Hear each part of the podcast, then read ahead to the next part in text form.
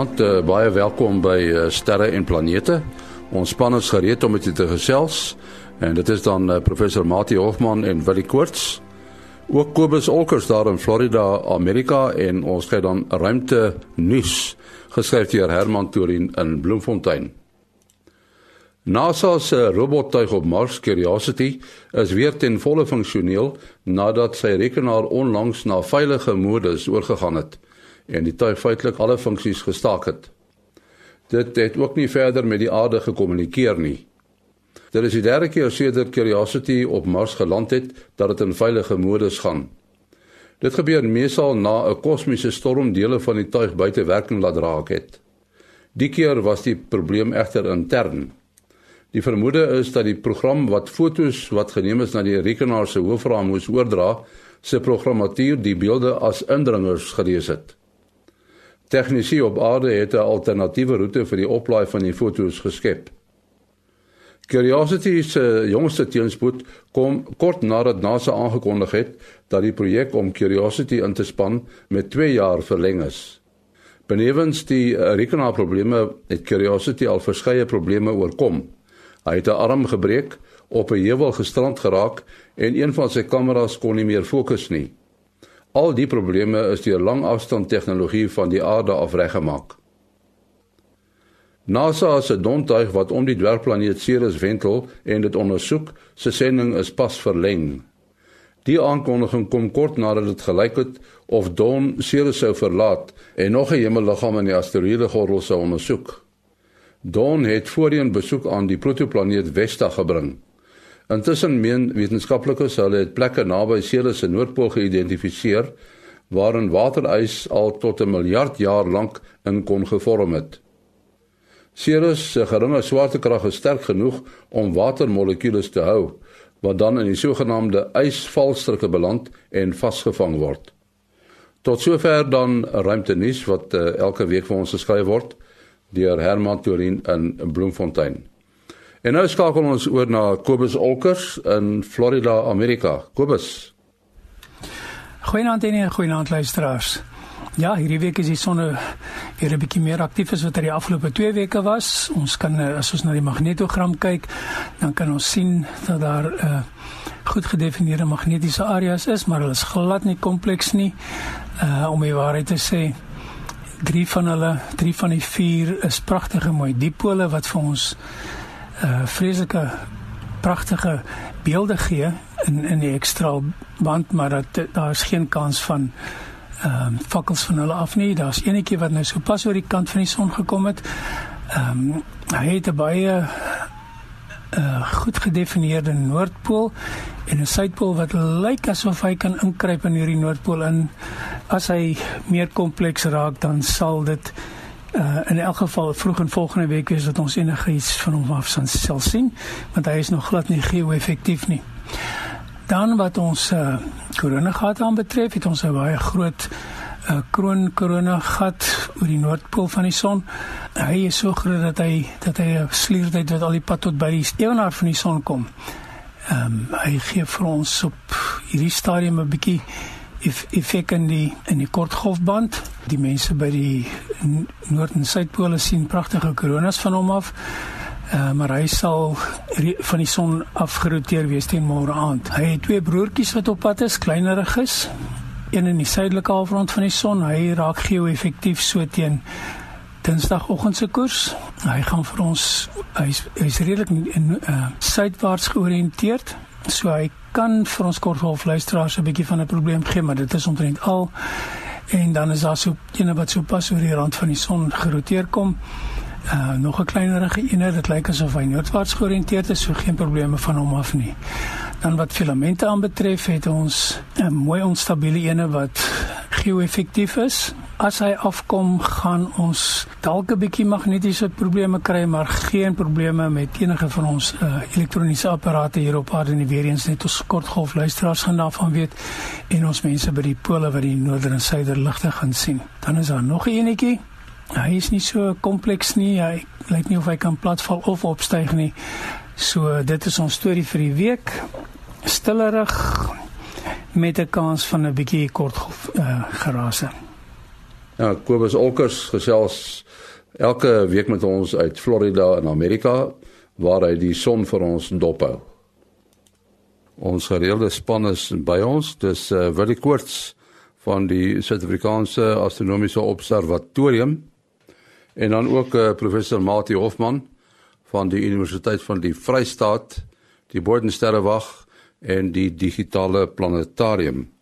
Willie, ek wil so 'n bietjie gesels oor uh, oor sterre wat spin ons het dan in die verlede het ons die klanke laat hoor van sogenaamde sterre wat wat roteer uh, nou hierdie uh, sterre wat spin kyk 'n ster is maar nou klein sonnetjies nê nee, ons son is 'n ster en hy het ook natuurlik 'n 'n rotasiesnelheid maar die rotasiesnelhede van sterre verskil van mekaar nê nee.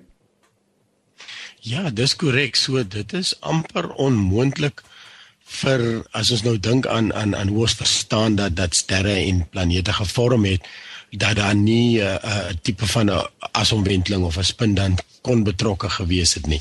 Nou meeste van ons is al vertrou daarmee of al gekyk dat die ballerina wat uh, op haar yskaatse uh draai en dan as hy haar arms intrek dan draai sy nog vinniger of van ons het dalk op op die rondom Talie op die speelpark dieselfde ding gedoen jy jy jy ry om so vinnig soos jy kan en dan trek jy jouself na die middelpunt toe en dan gaan jy nog vinniger. As ons nou dink aan aan sterre wat gevorm het uh dit begin maar uit hierdie vreeslike gaswolk wat nou hoofsaaklik dan nou sê maar waterstof en en en die klein bietjies helium miskien swaarder uh, elemente ook dan begin die die die ster basies te kondenseer. Amper soos wat 'n wolk vorm. Skielik sien jy mos hier in die somer uh, uh veral uh, uh in die donderweer areas daar's net dis net of die wolk uit niks uit vorm so die omstandighede is net reg. Die gas begin bymekaar te kom.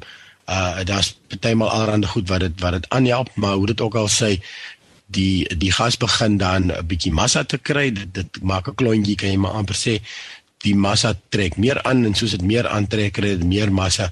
En dan is dit die ballerina wat se arms ingetrek word. Die gas wat nou inkom uh, na, na hierdie ster wat besig is om te vorm gaan natuurlik nie presies eweveel van alle kante af inkom nie. So erns kry dan 'n bietjie 'n spin na een of ander rigting en dan soos die ster verder inkrimp kry jy dat hierdie ballerina effek en, en die, die ster begin het al hoe vinniger te spin. Ja, soos jy sê ons son min mense besef dit eintlik maar as die mense wat nou al dalk die uh, sonvlekke dopgehou het sal sien en ons hoor ook wat Kobus altyd vir ons vertel van ehm um, die ding is besig om in rotasie in te kom ensovoorts. Uh so die son vat op sy ewenaar iets soos 24 en 'n half dae en op sy pole is dit langer iets 26 op 28 dae omdat dit natuurlik nie 'n soliede bal is nie. So uh um, en soos jy sê ja, daar's natuurlik nou ongelooflike verskillende snelhede afhangende van hoe 'n uh, ster dan nou sou gevorm het en hoeveel uh, materiaal hulle ingetrek het en en hoe hulle dan dan gespin het. Daar's natuurlik sekere maniere om dit selfs met ons teleskope in Sutherland te meet. Dis nog nie vir almal moontlik wees nie, maar as jy um uh, met spektroskopie waar jy groot stelsels meet uh wat so 'n galaksie of so wat ook natuurlik aan die draai is ons eie Melkweg galaksie vat iets soos 250 miljoen jaar om om een keer reg om te draai. So as jy dan met jou spektrograaf wat dan vir jou snelheid kan gee op sê op die een kant van dit sal meet en jy meet aan die ander kant dan sal jy sien dat aan die een kant is dit die materiaal beweeg weg van ons af en die, en die ander kant is die materiaal besig om na ons toe te kom. Sterre wat natuurlik ook sonvlekke of ons praat van stervlekke kan jy dan die net na sy ligkurwe kyk ons moet nou ook onthou dat dit maak nie saak hoe groot jou teleskoop is nie jy het maar net daai ligpuntjie so maak nie saak hoeveel jy vergroot nie dit bly maar net 'n ligpuntjie. So as jy dan nou hierdie ligpuntjie se helderheid baie baie akkuraat meet en uh, die ster uh, sal dan ook vlekke op hê soos ons son uh, dan gaan die hoeveelheid lig wat altesaam aan hierdie ligpuntjie by jou uitkom verskil afhangende van um, van hoe die sonvlekke op sy gesig vorm en aan die ander kant om omdraai. En op die manier kan kan jy dan ook die omwenteling uh van waarneem. Natuurlik as jy stelsels het waar jy een ster het wat naby 'n ander een spin, die die twee is gewoonlik dan ook spin op mekaar en die materiaal van die een ster word uh, sê byvoorbeeld afgesteel is naby genoeg aan mekaar uh, dit val op die ander ster en dit vorm 'n tipe van 'n warmkol en daai warmkol gaan dan vir jou meer en minder lig gee en en deur dan die stelsel en weer eens ons praat net hier van 'n ligpuntjie maar uh, dan kan jy dit dit dit so analiseer en dan agterkom hoe vinnig uh, draai die sterre of hoe draai die stelsel natuurlik natuurlik uh, Mati as ons nou so praat oor die sterre wat spin uh, ons het net nou daarop uh, gesin speel dat hierdie uh, stergeleide wat ons baie keer laat hoor en selfs die stergeleide wat ons in ons kenwysie het. Dit is eintlik maar dan uh, die geluid in aanhalingstekens van sterre wat dan uh, roteer, né? Nee. Weens of die elektromagnetiese interaksies wat elektromagnetiese frekwensies opwek wat jy dan kan transponeer na klankfrekwensies of akoestiese frekwensies in 'n baie dun medium uh wat van 'n uh, totaal ander frekwensies wat die mense oor kan hoor, dan kan jy dit nou transponeer met soveel oktawe uh, natuurlik vir regte klank soos wat ons dit hoor met die oor, het jy 'n medium nodig. Uh lig is 'n medium, hoe dunner die medium, hoe moeiliker kan dit deur die medium uh voortplant. Uh mens kry gewone klankgolwe soos ultrasoniese golwe wat buite die oor se se bestek is wat nog steeds regte klankgolwe is. Nou iets anders wat uh, miskien die aandag 'n uh, bietjie trek, uh, dit is nou na al die opgewondenheid van van Juno. Dwergplanete Mati lyk my is nogal volop deesdae. Hulle het nou weer nuwe dwergplanete ontdek net aan die ander kant. Ja, hy is nogal taamlik ver uit.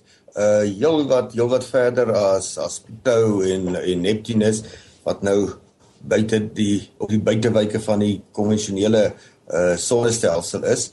Ehm uh, dan praat ons nou van in die orde van amper 5 biljoen of 5000 miljoen kilometer. Pluto is gewoonlik die verste voorwerp, maar nie altyd nie, is omdat sy baan baie ellipties is, kom hy bietjie nader as as Neptunus, maar uh soos ons weet, Pluto sy status as 'n planeet verloor en as 'n dwergplaneet uh geherklassifiseer en dit het juis gevolg op die ontdekking van dwergplanete wat soortgelyk en groter is as Pluto op afstande verder as Pluto. Dit is nou daar in die Kuiperbelt. En daar uh wil jy moet maar aanval die name wat ek so vinnig onthou dit is uh Eris uh en dan het jy Makemake en uh, nog 'n paar bietjie nader in die sonnestelsel in het ons ook 'n dwergplaneet wat nou in 'n ander groep is uh, Ceres wat in die asteroïdebelt lê dis die enigste uh, dwergplaneet voorwerp wat die status van 'n dwergplaneet het in die binne binneste deel van die sonnestelsel. In elk geval die dwergplaneet wat hulle nou ontdek het, het nog nie 'n mooi naam nie. Hy het net die kode RR245. Uh en dit kom uit foto's wat reeds in 2015 geneem is, maar ek weet as die foto's geneem is, beteken dit nog nie uh hy's ontdek nie. Iemand moet dit eers op die foto sien daar is 'n dwergplaneet en hy gaan maar net soos 'n spikkeltjie lyk behalwe as jy nou fotos vergelyk van op die volgende ure dan kan jy nou sien die een spikkeltjie beweeg en dis wat nou hier gebeur het. En uit die hoeveelheid beweging kon hulle dadelik sien hy moet baie baie verder as Neptunus wees. Uh op sy verste volgens die baan wat hulle uitgewerk het is hy amper 3 maal so ver.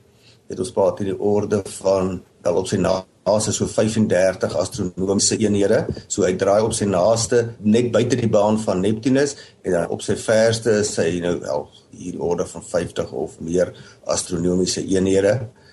Uh sy grootte is nog 'n raaisel, maar sal waarskynlik die orde van 'n paar honderd kilometer, sê 700 kilometer wees. Uh die vraag is, weet hoe bepaal jy die grootte as hy net 'n spikkeltjie op die uh op die CCD kamera is?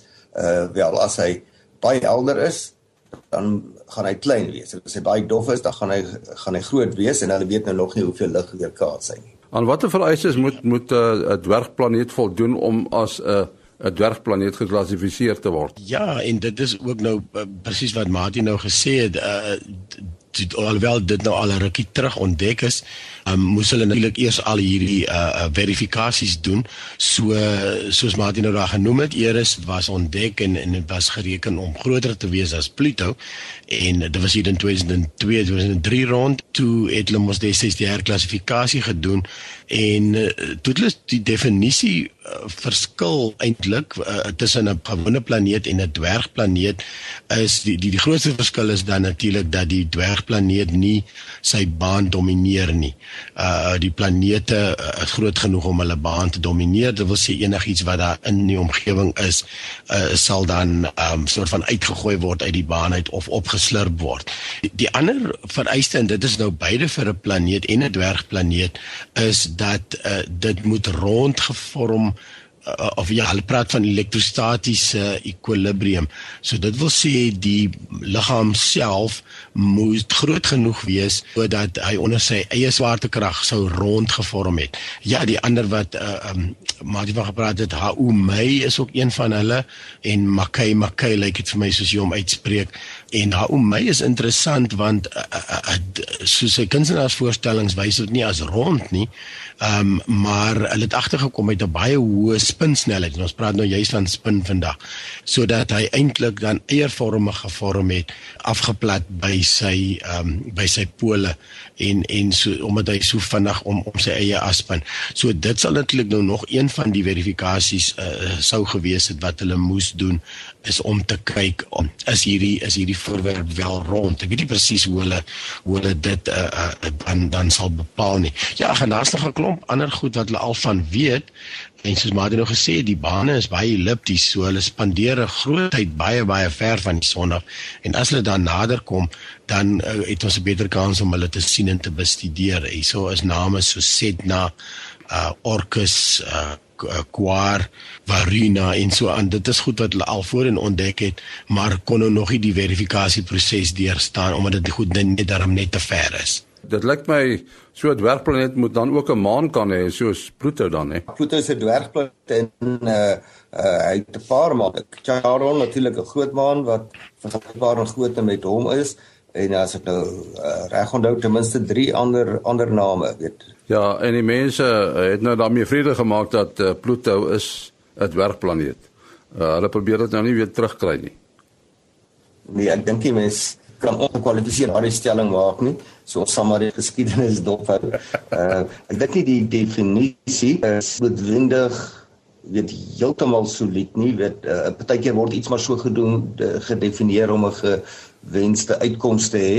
Uh weet die die die konsep van wanneer domineer iets sy baan. Ehm uh, weet dit kan onder bepaalde omstandighede dalk 'n bietjie die word is. Weet 'n kleinerige voorwerp wat redelik alleen uh in die ruimte voorkom met sy afstand vanaf die son, hoe sal jy nou bepaal of hy sy baan domineer of nie? Moet jy dan nou hipoteties werk as daar iets anders naby hom sou wees? Ehm um, maar ek dink die die vir die afsienbare toekoms uh sal die, dit seker maar so bly veral omdat nou hierdie hele klassifikasie en ander ontdekkings van van dwergplanete volg, sal die mense waarskynlik maar daaraan gewoond raak. Maar die, die argument was altyd weet klassifikasie en om iets as 'n planeet of 'n dwergplaneet is eh, te spesifiseer. Dit is nie die wetenskaplikes wat kan doen nie, daar is historiese aspekte en kulturele aspekte en daarom was dit omstrede geweest, maar uit 'n wetenskaplike oogpunt dink ek is ons daarom by 'n goeie 'n goeie klassifikasie al is dit nie volmaak nie. Jy weet 'n klassifikasie word vir menslike redes uitgedink en sal nooit volmaak wees nie. Ons eie son wat wat uh, dan ook 'n groot ster is, Um, die word beskou as 'n uh, gemiddelde grootte son, nee, wil jy? Ja, ja, ons sterre so gemiddelde gemiddelde grootte, ehm um, daar's uh, sterre wat heel wat groter is as ons son, baie maal groter. En dan is daar ook wat wat kleiner is en as ons nou hier na die dwergsterre net toe kom en jou breindwerge wat net 'n hele paar 3 4 5 maal die uh, Jupiter se grootte is uh, uh, wat nog nie reg uh, genoeg massa het om uh, atoomfisie aan die gang te sit nie. So daar is dan die hele die hele reeks en on, ons ster is ook uh, ons son is ook 'n redelike gemiddelde kleur uh, wat natuurlik nou gereelde middelde temperatuur sal beteken. Ons moet afsluit uh, wat is jou besonderhede? Ja, mense kan bel WhatsApp SMS 0724579208.